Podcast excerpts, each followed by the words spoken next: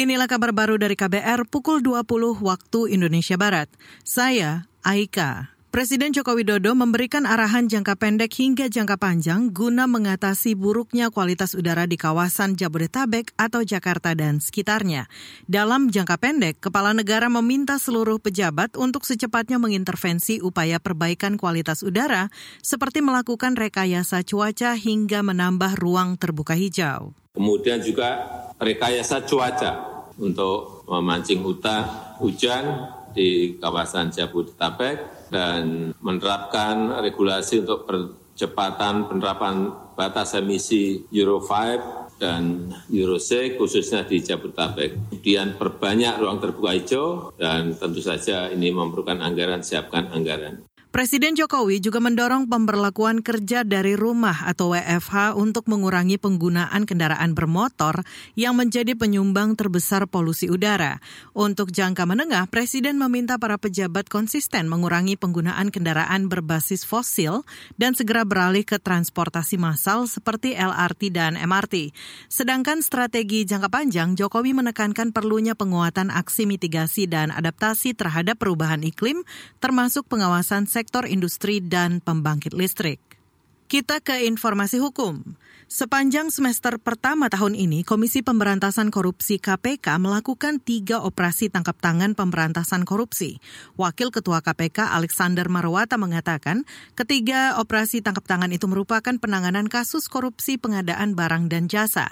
Salah satunya merupakan operasi senyap terkait dugaan korupsi di Badan SAR Nasional atau Basarnas. Memang dari perspektif anggaran ini titik yang paling rawan terjadinya tindak pidana korupsi ataupun apa persekongkolan ini menyangkut pengadaan barang dan jasa itu menyangkut belanja barang dan juga menyangkut belanja modal. Sangat terbuka peluang antara penyelenggara negara dengan pihak vendor untuk melakukan kerjasama atau persekongkolan yang berujung pada tindak pidana suap Wakil Ketua KPK Alexander Marwata menambahkan, sejak awal tahun hingga akhir Juni 2023, ada lebih dari 70 kasus dalam proses penyelidikan, 85 kasus naik ke tahap penyidikan, dan 90-an orang telah ditetapkan menjadi tersangka. Khusus terkait pemulihan aset pada semester pertama ini, KPK telah mengembalikan lebih dari 160 miliar rupiah kepada negara.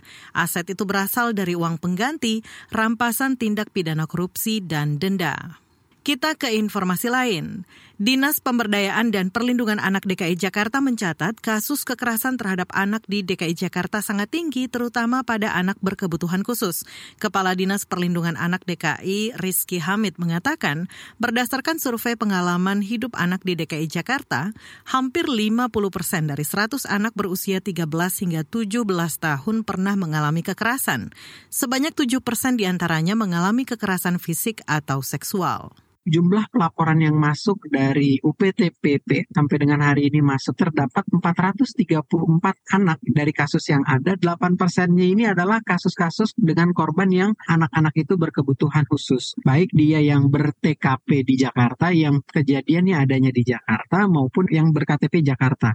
Kepala Dinas Pemberdayaan dan Perlindungan Anak DKI Jakarta, Rizky Hamid, berkomitmen memberikan perlindungan terhadap anak, khususnya anak dengan kebutuhan khusus.